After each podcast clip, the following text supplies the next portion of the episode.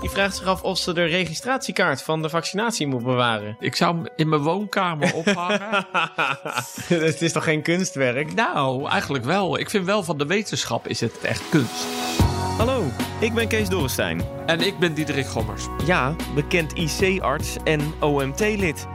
En in deze podcast beantwoordt hij jouw coronavragen. Stuur je vragen naar me op via WhatsApp 06 8370 9229, via de mail gommers.bnr.nl of via Instagram BNR Nieuwsradio. Dan leg ik ze aan hem voor. Vraag het. Gommers. Goed dat je er weer bij bent. Een nieuwe Vraag het Gommers, aflevering 30.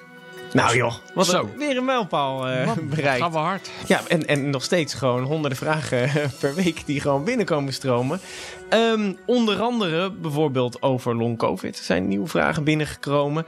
En ja, als je nou corona hebt, moet je je dan wel laten vaccineren. En hoe lang moet je dan wachten?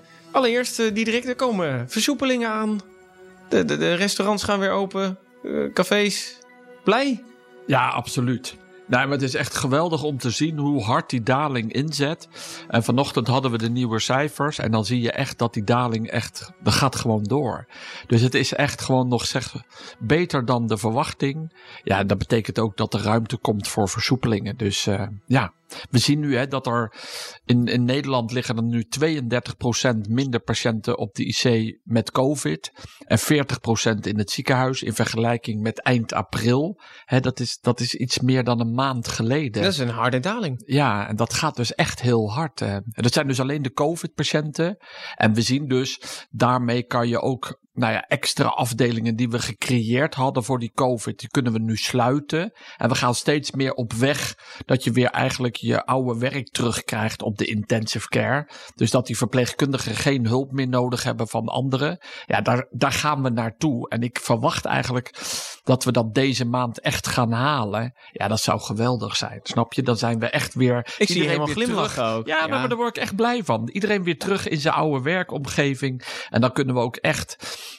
uh, aan vakanties denken. En dan kunnen we mensen ook echt laten gaan. Snap je? Dan is die druk van de ketel.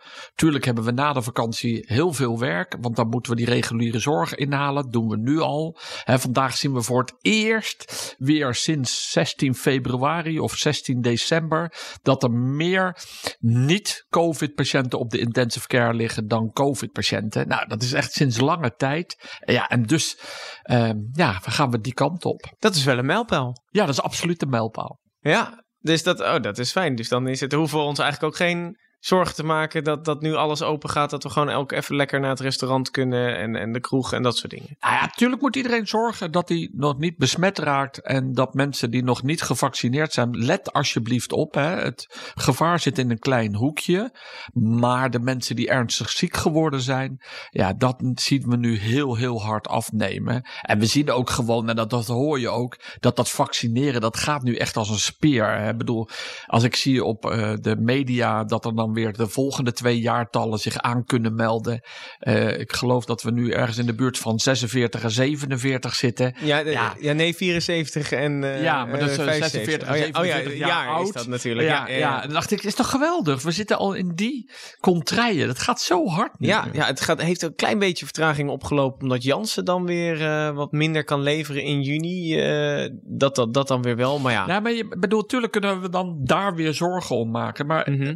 Laten we ook het gewoon positief zien. Ik vind Ja. het gewoon knap dat we nu al bezig zijn om de mensen die uh, uit 74 en 75 zijn, dat we die kunnen vaccineren. En tuurlijk gebeurt er iedere keer iets. En tuurlijk gebeurt er, zit er weer iets tegen. Maar dat hoort bij het leven. Laten we nou eens Ja, een beetje nu iets- positief. Ja, het wordt ook lekker weer en aandacht zo. geven hè, van ja. dingen die fantastisch gaan. Daar waar we trots op zijn. Wat we goed doen met elkaar. En laten we niet te veel aandacht geven dat er af en toe wat tegen zit. Ja, dat hoort daarbij. Ja, dat kan gebeuren. Ehm, ik wil even beginnen met eh, Jochen. Die had alleen even een opmerking. Hij is eh, ergotherapeut en hij zei eh, dat we het over mensen met long covid hadden in de podcast. Nou, twee afleveringen geleden. Ehm, toen hadden we het erover dat er ja, ook niet heel veel te doen is voor die mensen. Naast ja, een beetje weer erbovenop komen. Hij zegt, ehm, nou ik wil wel even aandacht vragen voor een grote groep paramedici die heel veel werk hebben verzet, zoals fysiotherapeuten, eh, ergotherapeuten, ehm, eh, ja, diëtisten, logopedisten, eh, die, die deze mensen er bovenop aan te helpen zijn. Dus hij zei, dat wil ik even gezegd hebben. Ja, maar daar heeft hij ook volkomen gelijk. Dan hebben we die zin niet goed gezegd. want het is absoluut niet zo dat er niet heel veel mensen zijn bij betrokken zijn om die mensen nou ja, weer beter te maken. In ieder geval weer kwaliteit van leven. Hè? Want sommigen zijn echt, eh kunnen zijn lukt maanden, zich ja. helemaal niks. En Nee. die hebben echt begeleiding nodig. En sommigen hè, is dat een paar weken. Maar er zijn ook mensen beschreven die gewoon meer dan een jaar al klachten hebben. En die heel gelukkig heel kleine stapjes vooruit eh, maken. Dankzij de ergotherapeuten, fysiotherapeuten, psychologen. Er zijn heel veel mensen bij betrokken. Ja, dus op het moment dat je long covid hebt al heel lang, dan kan je altijd even kijken, kunnen, kunnen een van deze types eh, jou helpen wat dat betreft. Eh, misschien kom je er dan sneller bovenop.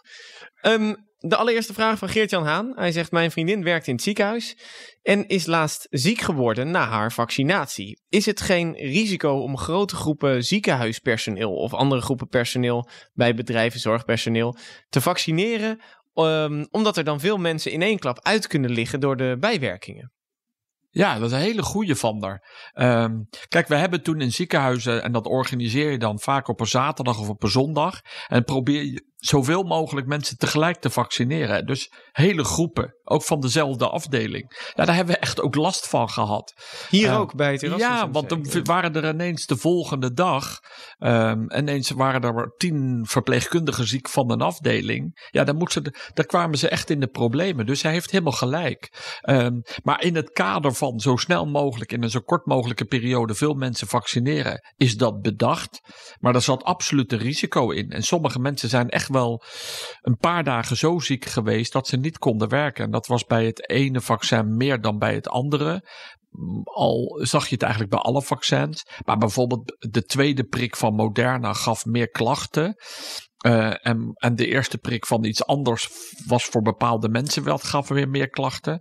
Maar ja, ze heeft, ze heeft gewoon gelijk. Eh, Maar- we hadden er last van en we moesten dan weer acteren. En En- hebben we en misschien nog wel een paar dan, ja. bedden moeten sluiten eventjes. Maar moet je daar dan als zorginstelling even rekening mee houden? Dat je denkt van nou, eh, toch ietsjes meer spreiden dan? Ja, maar dat is dan voor de volgende keer eigenlijk. Hè? Ik bedoel, eh, nu, Ja, eh, nu is mensen allemaal gevaccineerd. Nu is de hele zorg is gevaccineerd. Er komt nog één eh inhaaldag, geloof ik, voor mensen die, die het gemist hebben om wat voor reden. En de tweede prik komt er nog aan. Mhm. Ehm, en dan is de zorg eigenlijk klaar. En dus bij die tweede prik staat er weer een klein risicootje dat je eventueel eh, meer personeel hebt uit te vallen. Maar je, je wil het ook natuurlijk zo in zo'n kort mogelijke periode. Ja. En als je die ampullen van die vaccins openmaakt, ja dan. Dan ja, moet je ook wel een beetje door. Dus je moet in Ja. ieder geval aardig wat mensen tegelijkertijd. ja, Maar, maar ze heeft wel een punt. Eigenlijk maar stel was dat het ze- beter ja. geweest om het te spreiden. Maar stel dat ze dan bij eh, bijvoorbeeld eh, eh, scholen of eh, bij de, bij de politie, dat ze daar dan in één keer eh, heel veel mensen tegelijkertijd gaan vaccineren. Moet je er wel een beetje rekening mee houden. Dat Ja, maar dat dus is natuurlijk het voordeel wat we nu bij de GGD doen. Mhm. Want dan word je op leeftijd, maar dat wordt er niet gekeken naar je beroep, snap je? Er worden nu dus al die mensen uit 74 Ja. en 75 worden opge... Maar dat kunnen politiemensen, dat kunnen Ja. allerlei mensen bij verschillende Dus- beroepen. dus- En dan heb je minder uitval, omdat je altijd natuurlijk wel gevarieerde leeftijd Ja. hebt in bepaalde beroepen. Ja, be- behalve als je een bedrijf hebt met alleen maar 45 jaar die er werkt. Dan, Ja, dan eh, heb je het niet goed gedreven. Nee, precies. Maar dat hebben de meesten niet. Ehm, eh, Daan en Gert en nog wat andere long-covid-patiënten... die mailden dat ze op dit moment long-covid hadden. En ze vragen zich af of de vaccinatie helpt bij het herstel daarvan. Ja, ik ben even gaan zoeken. Nou, wat ik ook wel eh, belangrijk vond, ik kwam een, een eh, site tegen www.c-support.nu. Eh, en daar kun je heel veel vragen stellen en die, daar, die, daar helpen ze je ook verder naar wie je eventueel kan. Naar een ergotherapeut of een Oh, als je dus long-covid hebt ja, dus Dat, dat helpt je. Er staan ook veel antwoorden, er staan ook veel literatuur. Eh, en daar kwam ik tegen dat er wel kleine studies gedaan zijn. De grote studies lopen nog in Engeland en Amerika. Om te kijken of dat vaccin nou helpt tegen uh, long COVID. Um, en dat blijkt uit die eerste kleine studies dat het ongeveer voor 25%, sommige studie liet zien 33%. Dus voor een klein gedeelte helpt zo'n vaccin geven. Het idee daarachter is dat sommige long COVID klachten misschien kan zijn omdat dat virus nog niet helemaal uit jouw lichaam is. Mm -hmm. Dat je toch nog bepaalde nou ja, organen hebt lees je hersenen of ergens anders, dat daar nog virus zit in cellen. Wat jouw afweer niet helemaal heeft opgeruimd. En dan is het idee dat als je dan een vaccin neemt, ja, dan maak je extra afweer. En dan gaat hij er wel uit. Ja. En dan gaat hij er misschien wel uit. Dat is het, de hypothese. Ja, we weten nog niet helemaal of dat klopt, die hypothese. Maar goed, er is in een eerste kleine studies is aangetoond dat het vaccin mogelijk in een kleine groep mensen werkt. Um, maar goed, grotere studies volgen. Ja, en dan uh, vraagt Peter zich nog af. Uh, ik vroeg me af hoe de demografische verdeling is wat betreft long-covid-patiënten. Zie je het vaker bij ouderen of bij jongeren? Of is dat gewoon gelijk verspreid naar aanleiding van de, naar een beetje op basis van de maatschappij? Nee, dat kon ik niet vinden. Je, je, het komt voor in alle leeftijdsgroepen. In die, op die website beschreven ze vooral dat mensen ze hadden daar een uitvraag gedaan. Maar misschien is dat, hè, bedoel, gaan dat soort mensen naar die website. Maar daar vonden ze dat het vooral in de groep was um, tussen 20 en 60 jaar. Maar, maar ja, kan... dat is een hele grote groep. Ja, maar, dat, dat, maar ze noemden dat eigenlijk, dat zijn de, de mensen die werken. Um, maar ik weet niet of dat representatief is. Misschien zijn die mensen ook op zoek naar oplossingen en kwamen op die, op die die website. Ja, als je het misschien wat ouder hebt en je denkt, nou, ik eh, weet je, ik ben misschien toch al met pensioen, uh, dan uh, ja, zit en, dat en, en, en, dus ik weet niet of dat representatief is. Dus op mij kwam het over dat het eigenlijk voorkomt bij alle leeftijden. Ja. En, het, en je kunt ook niet zeggen alleen bij de mensen die in het ziekenhuis en die ernstig ziek is. Dat is zeker niet zo. Je ziet het dus ook vaak voorkomen, of relatief vaak ook gewoon voorkomen voor bij mensen die alleen thuis COVID hebben gehad of bij de huisarts geweest zijn. En het komt dus best veel voor, want het is anderhalf procent van de totaal aantal besmette mensen met COVID. En dat betekent ja, en in dat Nederland. heel veel. Ja. Ja. dan moet je gaan rekenen in 15.000 mensen die er mogelijk uh, mee te maken hebben in Nederland op dit moment. ja, dat is flink. Dat is een, ja. een groot aantal. Um, Jeannette dan. Zij heeft het over de coronavariant in India. Um, en daar worden coronapatiënten ook nog eens getroffen door zwarte schimmel. Hoe gevaarlijk is dat en moeten we ons hier zorgen maken om die Indiaanse variant, waardoor je dus misschien ook zwarte schimmel kan krijgen? Ja, ik had die zwarte schimmel. Ik dacht, huh, uh, die ben ik nog niet tegengekomen. Maar ben het op gaan zoeken. En dat is een schimmel die voorkomt vooral in de aarde. Um, en en um, ook bij rottend fruit en groenten, mest en planten. Dus dan, ja, het, je zou het misschien kunnen vinden, dus meer in mensen die daarmee te maken hebben. Dus in boeren of mensen die in de glas, nou, glastuinbouw werk je ook niet met nee. aarde. Nee, Nou, en dan- in India, ik weet ook niet hoeveel glastuinbouw ze hebben daar. Maar, Nee, maar, maar, maar, maar daardoor eh, is het niet iets wat in Nederland veel voorkomt. Want schimmels draag je wel bij je. Hè? Ik bedoel, wij hebben ook schimmels, zitten bij ons vaak in oude huizen, in plafonds. Ehm, en dat betekent dat schimmels zitten ook gewoon in je neus of in je lichaam. En normaal gesproken heb je je gewoon je eigen afweer. En daarom worden die schimmels, die wordt geaccepteerd dat die leven in jouw lichaam. Maar ze vlakken niet op. Je hebt geen opvlakking daarvan. Snap je? Je wordt er niet ziek van. En wat gebeurt er nu? Ehm, is omdat je die patiënten ook in eh, India nu eh, behandeld worden met steroïden. Daarom eh, maak je de afweer van die mensen lager. Mhm. En daardoor krijgen die mensen last van die schimmels. Ja, want het is wel een hele zeldzame ziekte. Ja, dus, dus, ook, het is, ja. dus hè, het is een zeldzame, uiterst zeldzame infectie. Die zie je eigenlijk normaal niet optreden. Alleen is het nu beschreven daar in Mumbai. Maar daar wonen 10 miljoen mensen. Ja, en daar en, hadden ze ja. 30 patiënten. Maar dan was het vooral bij mensen die al bekend waren met suikerziekte. Nou, die hebben een verminderde afweer. En die herstellende waren van COVID. En die dus steroïden hadden gekregen. Dus die combinatie. Maar dan was het wel ernstig. Want die schimmel die zit dan vooral in je sinussen van je neus. In de buurt zitten de sinussen ook van je ogen. En dan moesten ze echt zware operaties doen om die schimmel helemaal weg te halen. Maar dan haal je ook helemaal zijn ogen weg en die holters helemaal Oh, wat vrijmaken. Ja. En, en ja, dus dat zijn grote operaties. Je moet er snel op reageren. En, en de helft van de mensen gaat helaas dood. Dus het is wel. Die dit krijgen. Ja, Oh. en zoals het daar in India beschreven stond. ehm. Ehm, dus ik zou zeggen, ja, ehm, wij zien namelijk ook meer schimmelinfecties bij patiënten met COVID op de intensive care. Eh, en wij behandelen die ook veel meer. Hè, we kennen altijd schimmelinfecties bij mensen die ernstig ziek zijn. Ehm, en daar hebben, geven we therapie voor. Maar je ziet ook dus schimmelinfecties bij de COVID-patiënten. En dat heeft al of niet te maken met de hoeveelheid steroïden die we geven om die COVID te Oh, behandelen. dus dan wordt je afweer zwak, eh, zwakker Ja. en dan kan je in één keer een schimmelinfectie krijgen. Die, Nou, die, die heb je dus bij je al. oh, En die groeit dan omdat jouw afweer die schimmel niet onder je controle hebt gewoon houdt. natuurlijke schimmels. Ja, je hebt natuurlijke schimmels bij je. Ik, ik las trouwens ook dat het, eh, dat het nu bij, het, omdat het een uitbraak genoemd wordt, wordt is nu bij zo'n 9000 mensen is het eh, aangetroffen in India. Ehm, maar ja, dat is inderdaad, ja, dit kan je niet zomaar krijgen. Dit is niet de schimmel die je standaard in je lichaam hebt. Nee, Eh, en, en je krijgt hem niet omdat je COVID krijgt, snap je? Je moet hem dus bij je hebben, die schimmel. Ja. Ehm, ja, en ik... En die ik- gaat dan in één keer wat heftiger op het moment dat je een zwakkere afweer hebt. ja, Ah, oké. dan komt hij naar boven. Maar eh, eh, eh, moeten we ons een beetje zorgen maken om überhaupt die Indiaanse variant? Want die is nu ook in Groot-Brittannië aangetroffen natuurlijk. Voordat je het weet is hij hier. Ja, nee, dat wordt ook heel goed in de gaten gehouden door de RIVM. We hebben hem, er is maar bij een paar mensen is die gevonden. Ik geloof minder dan 50.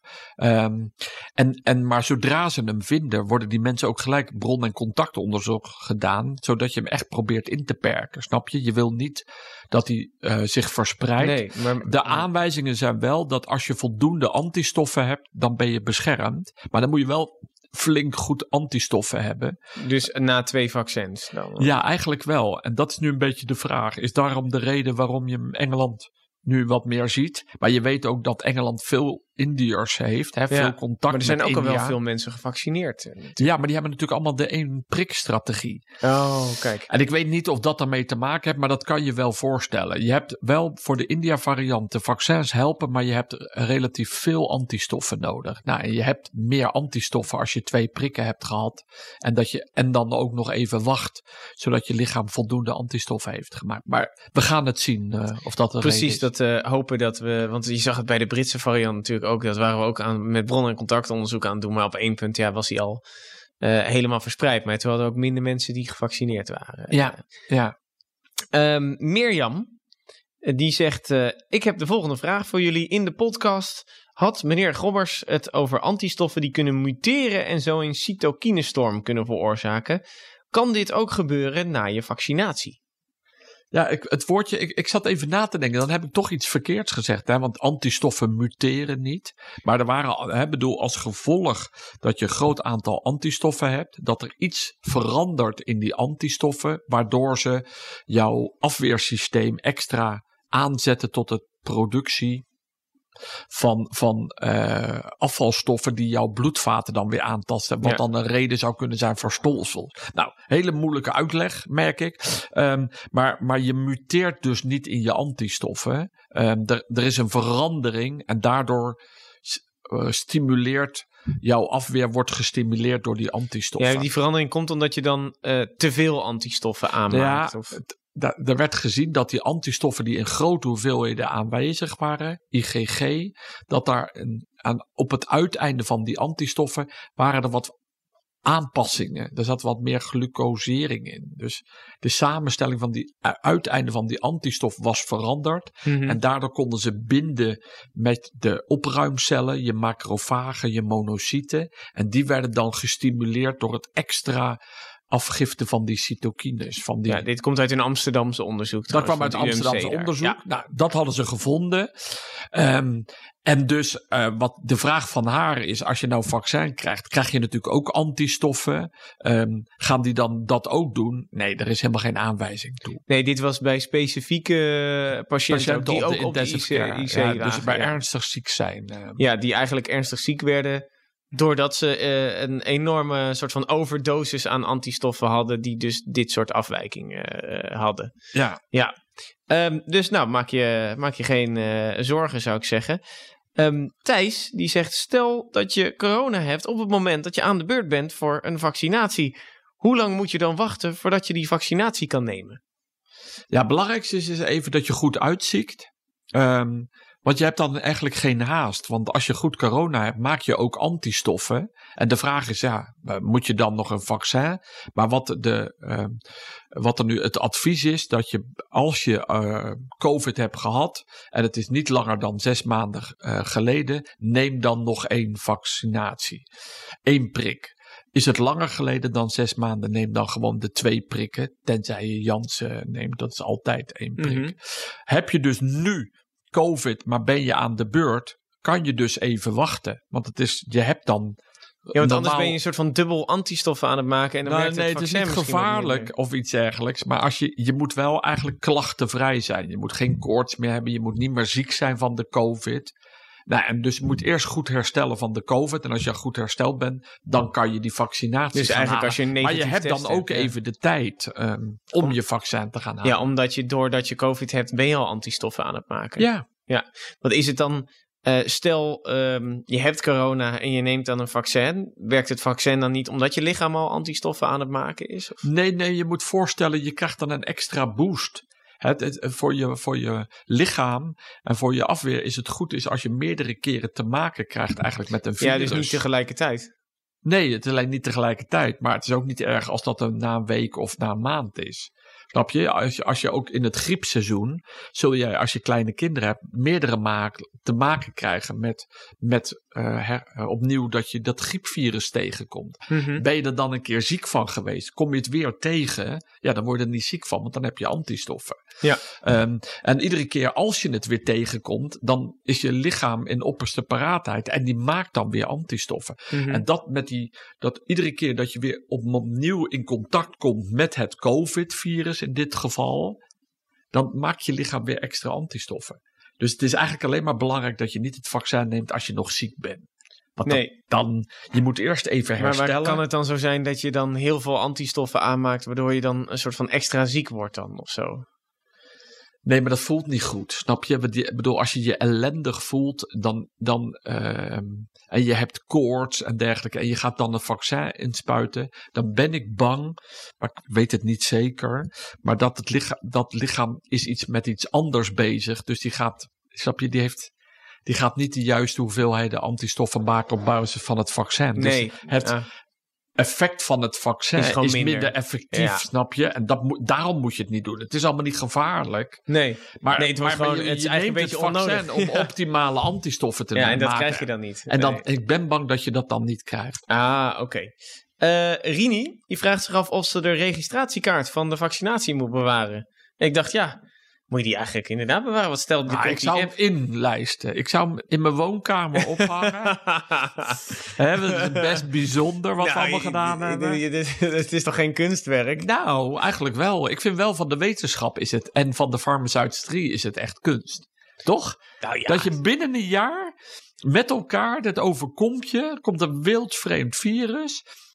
En dan maken we met elkaar binnen een jaar een vaccin. Ja, ja. ja, ik, ik, ik vind dat een huzarenstukje van de wetenschap. Ik vind dat echt geweldig. Dus ik zou dat kaartje inlijsten. maar heb je hem niet nodig nog voor iets? Nee, nee, want ehm, hè, wat, er, wat er dus blijkt is, er komt echt die app, hè, dat, dat ehm, coronapaspoort. Mhm. En dat blijkt het enige geldige middel straks te zijn. Ja. Eh, dus je moet even wachten op dat officiële Mhm. coronapaspoort wat de Europese gemeenschap en alle landen aan het regelen zijn. Ja. Ja, dan denk je van, jongens, schiet op, want ik wil op vakantie. Eh, want ik geloof dan wel dat het belangrijk is dat dat ding er is eh, voordat je weg kan. Heel, heel even voor de mensen die nu luisteren. ehm, eh, er wordt nog wel eens gezegd natuurlijk dat, dat doktoren dan eh, verdienen aan de farmaceutische industrie. En je zegt net, dit is een huzarenstukje van, eh, van de wetenschappen van de farmaceutische industrie. Jij krijgt daar niet betaald voor natuurlijk, dat is Nee. geen reclame. Daar hebben we het wel eens eerder over gehad, maar ik denk het is wel goed om even te zeggen. Nee, nee, nee, nee. Oh, heel goed van je. Nee, ik heb helemaal nergens iets aan verdiend. Niet aan een beademingsapparaat, niet aan een patent, hè, wat ik tien jaar geleden ooit geloof ik ja, dat had met- ook helemaal niks met vaccinaties niks te maken. Maar, maar dat had met een anesthesietoestel, maar daar heb ik ook niks aan verdiend. En ook aan deze vaccins verdien ik niks aan. En ook Nee. niet als ik reclame maak Nee, en deze podcast wordt trouwens niet gesponsord door vaccinbedrijven. dus Hè, eh, je moet zelf allemaal de keuzes maken. Het enige wat wij doen is vragen beantwoorden. Ja, en we hebben er hoop dat lol in. Ja, daarom, exact. Eh, maar heb je hem zelf ingelijst? Dat geloof ik Nee. niet. Nee, zie je? Zeg, ik zal hem inlijsten. Ja, maar ik mag wel een grapje maken. Ik bedoel, ik vond het zo mooi. Dan denk ik, nee, je moet gewoon inluisteren. Ehm, Sabine dan. Eh, zij zegt, beste Kees en Diederik. Wij waren onder de indruk van het filmpje waarin te zien was dat eh Diederik Gommers eh, een, met een aantal collega's op de IC een patiënt draaide. We vroegen ons af of hiervoor geen apparaat in ontwikkeling is. Dat komt omdat je af en toe patiënten moet draaien natuurlijk als, de, Ja. eh, als ze op de IC liggen, want anders krijg je doorligplekken, toch? Zo? Nee, nee, we doen dat voor de beademing. Oh, Soms voor de het- beademing. Bedoel, ehm, soms heeft het, ehm, krijg je betere zuurstofvoorziening in je bloed als je patiënten even op hun buik beademt. En dat doen we dan 16 uur van de 24 uur en dan liggen ze 8 uur op hun rug. En dan die wisseling, dat doe je iedere keer door die patiënten te draaien. Maar dat is wel zwaar. daar- Ja. Ja, dat is dus zwaar. En, en ja, ze heeft gelijk. Er zijn, ehm, door ik ben even de naam kwijt van het bedrijf, maar er is een Nederlands bedrijf die heeft zitten kijken naar dat draaien. En die hebben iets moois bedacht. Die hebben een soort rol waar je aan kan draaien. Daar klem je het laken tussen. Dan de patiënt ligt op een laken en je doet een laken eroverheen. En dan draai je zo aan dat wiel. en dan zie je die, dat laken, dat wordt aangetrokken en dan zie je die patiënt draaien. Dus er zijn, ze heeft gelijk, er is een heel mooi apparaat door een ehm, meneer, door een bedrijfje in Nederland ontwikkeld dat je ook ehm, kan draaien. En zetten jullie dat in dan? Of? Ja, als we, nu waren we met heel veel en we hadden genoeg tijd. ehm, en dus konden we met, ik geloof met z'n zes of zevenen, want dit was wel een zware patiënt. 170 kilo. Zo, dat is wel Ehm, maar we hebben, dus als we wat minder tijd hebben en minder personeel, dan gebruiken we dat eh, apparaat. Oh, die hebben jullie ook staan? ja, die staat hier gewoon eh, op de Oh, afdeling. Dus, oh, oh, wat grappig. Ja, dat was natuurlijk niet te zien in... eh, Nee, maar op in dat, voor dat filmpje hadden we. Ja, dat even ook laten zien hoe even sterk we sterk. En daarna Ja. gewoon weer het apparaat inzetten hoor, Ja, draaien. maar dat gelijk dat, dat één keer dan. Nee, maar je moet wel oppassen dat je natuurlijk, eh, je hebt je personeel hard nodig en je moet niet klachten van je rug krijgen. Dus het, Nee. is ook, het is echt wel belangrijk dat je dat goed doet, want anders heb je weer meer personeeluitval. Ja, nee, dat, dat moet je inderdaad eh, niet hebben. Eh, Samuel, die stuurt... Ik heb gemerkt dat ik door corona helemaal niet meer ziek ben geworden van de griep. Normaal gesproken heb ik dat wel een keer per jaar dat ik daar ziek van word. Ik denk dat dat komt vanwege al die hygiënemaatregelen, afstand houden, mondkapjes, dat soort eh, zaken, handen wassen eh, of ontsmetten. Eh, kan het zo zijn dat er na corona een veel heftigere griepgolf komt? En moeten we ons daarop voorbereiden? Ehm, ik vond die eerste opmerking van haar eigenlijk mooier. Snap je? Gaan wij met ons gedrag, hè, want we hebben. We, we dragen mondkapjes, we houden meer afstand, Mhm. we geven geen handen meer, we wassen vaker ons handen. Zou dat wat blijft van dat gedrag eigenlijk erin? Ja, Ik zou wel interessant vinden hoe wij over een half jaar of we nog bepaalde dingen doen. Ik denk dat we die mondkapjes niet, allemaal, niet meer dragen. Nee, dat is als, als we daarvan nee, af maar zouden misschien kunnen. als je, bedoel, we gaven heel erg af op al die Aziaten. Ehm, hè, dus mensen die in, in, in China, Indonesië. Als je die zag, liepen ze altijd met mondkapjes. Hè? Als, Ja. eh, Heeft ook een beetje met de ook. luchtvervuiling te maken. Ja, daar natuurlijk. nou, nee, maar bedoel ook als zij verkouden zijn, dan duppen ze zo'n mondkapje op om geen eh, waterdruppeltjes te verspreiden. Ja, we hebben dat toch wel geleerd. Toen moest ik erom lachen en dacht, nou, dat ga ik echt nooit doen. Nou, Mhm. we hebben het afgelopen jaar absoluut gedaan met z'n allen. En het heeft ook echt wel geholpen. En ik denk ook dat ze gelijk heeft dat we gewoon minder griep hadden, omdat we ons gedrag hebben aangepast. Dus voor, om het voorkomen van eh, dit soort eh, virale infecties, ja, helpt dit gedrag. Dus als we dit volhouden met elkaar, ja, dan zou het best wel kunnen zijn dat we gewoon minder griep krijgen. Maar ja, dan moeten we wel weer altijd afstand houden van mensen. Dat is natuurlijk ook niet zo leuk. Ja, maar de vraag is of je, als je niet een paar dingen doet, dan zul je natuurlijk risico lopen dat je griep hebt. Ehm, maar ik denk wel dat we misschien elkaar niet meer zoveel handen geven, niet meer ehm, al of niet zoenen. eh, Tenzij je er echt zin in hebt. Ehm, maar, maar dat je dat soort dingen doet. En dat je daardoor misschien toch de risico op die virale infecties, overdracht, dat die minder worden. Ik denk, heb zo'n voorgevoel dat sommige mensen, niet iedereen, toch denken.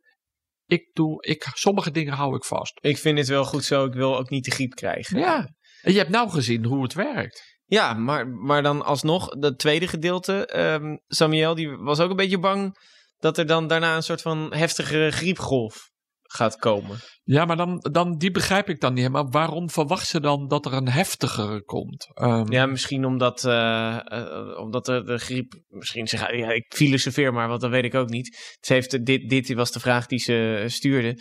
Maar dat je dan misschien dat op het moment dat corona voorbij is, dat er in één keer weer heel veel ruimte is voor de griep om daar dan een. Uh, ja, nou dat kan. Ik ben geen expert in de griep, maar je ziet wel, hè, dat wordt de ene keer hebben we een heel uh, uh, zwak griepseizoen, winterseizoen, en de andere keer is het heel heftig. Hè, we hebben ook in zo'n pandemie met de Mexicaanse griep gehad in 2009, geloof ik, 2010. Dat was echt heftig. hadden we ook meer patiënten op de IC, maar er stond er geen verhouding nu met de COVID, wat we meegemaakt hebben. Dus ja, het kan. Maar ik denk dat we ook wel weer gewend zijn, wat ik net zei, dat we nu weten hoe we dat gedrag is. Dus ik denk, hè, als we december merken van jongens, oh, er komt een heftige griep aan, dat sommige mensen zullen zeggen, ho even. Maar ik weet nu wat ik moet doen. Mm -hmm. uh, ik hou meer afstand. Ik, als ik in de, in de metro neem, doe ik een mondkapje op. Uh, snap je? Dus ik verwacht eigenlijk dat we met elkaar dit soort dingen beter onder controle hebben, dat het daardoor minder heftig wordt. Um, Raymond, die zegt: Ik heb vorige week mijn eerste vaccinatie tegen corona gekregen. Nu moet ik over twee weken uh, spreken op een live event en ik word van tevoren getest middels een sneltest. Kan dit wel na mijn vaccinatie? Uh, of zien ze juist coronasporen vanwege dat vaccin? Oeh, ja, dat is een goeie. Um, ja, je, kijk, die sneltest en de PCR-test, die zoeken onderdeeltjes uit van het vaccin. Of van het virus. Dus die samenstelling, dat virus bestaat uit, noem maar 40.000 Lego-steentjes. En die samenstelling, al die kleurtjes zijn net allemaal wat anders. En daar zoekt die patronen uit. En elke test doet dat net een beetje anders. En, en het gedeelte van die sneltesten doen dat voor een klein gedeelte. Ik geloof dat het het N-eiwit heet. Um, maar dat is volgens mij niet het spike-eiwit precies zoals wij in het vaccin maken. Maar ik zit ook even te twijfelen. Dus het is een goede vraag. Maar volgens mij is het niet zo. Maar het zou misschien stiekem dat het toch wel heel dicht in de buurt komt. Maar dat hangt dan weer af van welke sneltest. Omdat elke test heeft net een andere samenstelling ja. wat ze wat Ja, ze, want je krijgt natuurlijk geen COVID zelf ingespoten. Nee, je krijgt alleen maar, je die spike-eiwitten. die eiwitten worden ja. aangemaakt. Ja, dus het, je, je, he, je, je maakt alleen maar die spike-eiwitten en daar maak je antistoffen tegen. Dat is maar het, alleen maar die, he, die gekke pootjes aan de buitenkant van het virus. Ik twijfel heel even of de sneltesten en de grootste groep van die sneltesten, of die dan ook juist dat die spike-eiwitten laat zien. Of dat ze eigenlijk een ander deel van het virus ja. aantonen. Nou ja, dat, we weten het dus, dus, niet zeker. Nee, we weten uh, niet. We moeten voor volgende week moeten we het even opzoeken. Nou, dat gaan we even opzoeken. En Raymond, uh, als je je hebt uh, laten testen, je luistert dit. En er komt iets positiefs uit, waardoor dat dus door dat vaccin zou komen, mailt je even bij ons. Dan kunnen we misschien ook even kijken waar dat door komt. Um, Jorn dan, hij zegt... Hoe gaan ziekenhuizen om met de screening van niet-COVID-patiënten? Um, moeten die niet uit voorzorg even getest worden, bijvoorbeeld voor een operatie, zodat je zeker weet dat je geen COVID-patiënt, uh, dat, dat je iemand hebt die niet weet dat hij uh, besmet is? Nee, dat is een hele goeie. Maar we, we, we, alle artsen moeten aan iedere patiënt en eigenlijk iedere dag in het ziekenhuis vragen of iemand uh, COVID-achtige klachten hebben. Dus je wordt gescreend of je toch niet COVID kan hebben. En als jij dus klachten vertoont, verkoudheid of hè, de gewone COVID-klachten, dan nemen we een test af. Um, dus, de, dus er worden vragen gesteld om te kijken of iemand voldoet aan COVID-achtige nee, klachten. Je kan iemand natuurlijk ook zeggen van, uh, die al heel lang op zijn operatie aan het wachten is. Die denkt, ja, ik heb misschien wel van dat soort klachten, maar ik wil gewoon nu mijn operatie hebben. Dus ik zeg dat ik geen klachten heb. Ja, maar je moet, ja, dat bedoel, ik kan me voorstellen. Maar wat dan lastig is, als je een operatie en je moet een grote operatie en je krijgt ook nog COVID, dan wordt die operatie wel misschien wel eens een minder groot succes. Dat ja, moet je niet hebben. Dat wordt van tevoren gezegd. Van je moet nou ja, even... je bedoel, je moet gewoon denken aan je eigen veiligheid, snap je? bedoel, en je doet al die dingen om, nou ja, het is jouw lichaam en jij, we doen het voor jou om jezelf beter te maken. Dus ga nou niet denken van ik zeg maar nee uh, en dan doe ik zo'n operatie. Want misschien loop je dan tegen de lamp en is die operatie geen succes. Of je ligt veel langer in het ziekenhuis. Of je wordt veel zieker. Ik zou dat risico niet nemen. Nee. Ik zou gewoon eerlijk zijn. Je wordt er vragen gesteld. Je worden vragen gesteld of jij uh, COVID-achtige klachten. Of dat je met mensen contact hebben gehad die COVID hebben. En daar screenen we op al bij de ingang als je het ziekenhuis binnenkomt. Ook als je naar de poli komt of als je bezoeker bent. Maar zeker ook bij de patiënten in het ziekenhuis. En het is ook belangrijk uh, voor de operatie, snap je? Want als je daarna operaties krijg je wel vaker koorts of uh, uh, andere klachten. Dus het is natuurlijk wel belangrijk dat het niet te maken heeft met COVID, snap je? Dus je wil gewoon zeker weten of zeker, maar je wil gewoon goed uitsluiten dat het geen eh, COVID-achtige ja. klachten zijn. Mijn, dat was mijn telefoon, die viel even stuk op de grond. is hij nog heel? Ja, hij is nog wel heel. Er zit geen barst in bij jou. Uh... Ja, dat komt denk ik door. Dan, dan, ga, dan, dan, ga ik een beetje lekker op de stoel zitten. Als we een beetje achterover. En dan glijdt alles uit mijn broekzak. Oh, jee. Nou, dat kan gebeuren. Ach, ik ga mijn telefoon eens eventjes bij elkaar rapen. Um, want dat was ook de allerlaatste vraag voor deze aflevering. Heb je zelf een vraag? Je hebt het nummer gehoord aan het begin van de aflevering. Daar kan je een appje naartoe sturen. Die krijg ik dan binnen uh, op mijn telefoon die het hopelijk nog doet. Um, en anders mail eventjes naar gommers.bnr.nl voor uh, al je vragen. Nou, ga je nog van het uh, lekkere weer genieten dit weekend? Ja, zeker. Maar ik moet, morgen heb ik dienst, uh, 24 uur. Dus uh, ga eerst die dienst doen morgen. Nou, eerst de verdienst en dan misschien nog eventjes... En dan zondag, uh, het wordt, zondag een lekker stukje vaar. Ja, het wordt de hele week... Wij nemen dit altijd op vrijdag op. Dat je denkt, ik luister dit op zondag. dan heeft Diederik dus al een hele dag gewerkt. En je kan trouwens ook gewoon die week daarna. Dus het wordt ook ja, hartstikke lekker weer. Dus ja, geniet van het lekkere weer. Hoi hoi. Hoi hoi.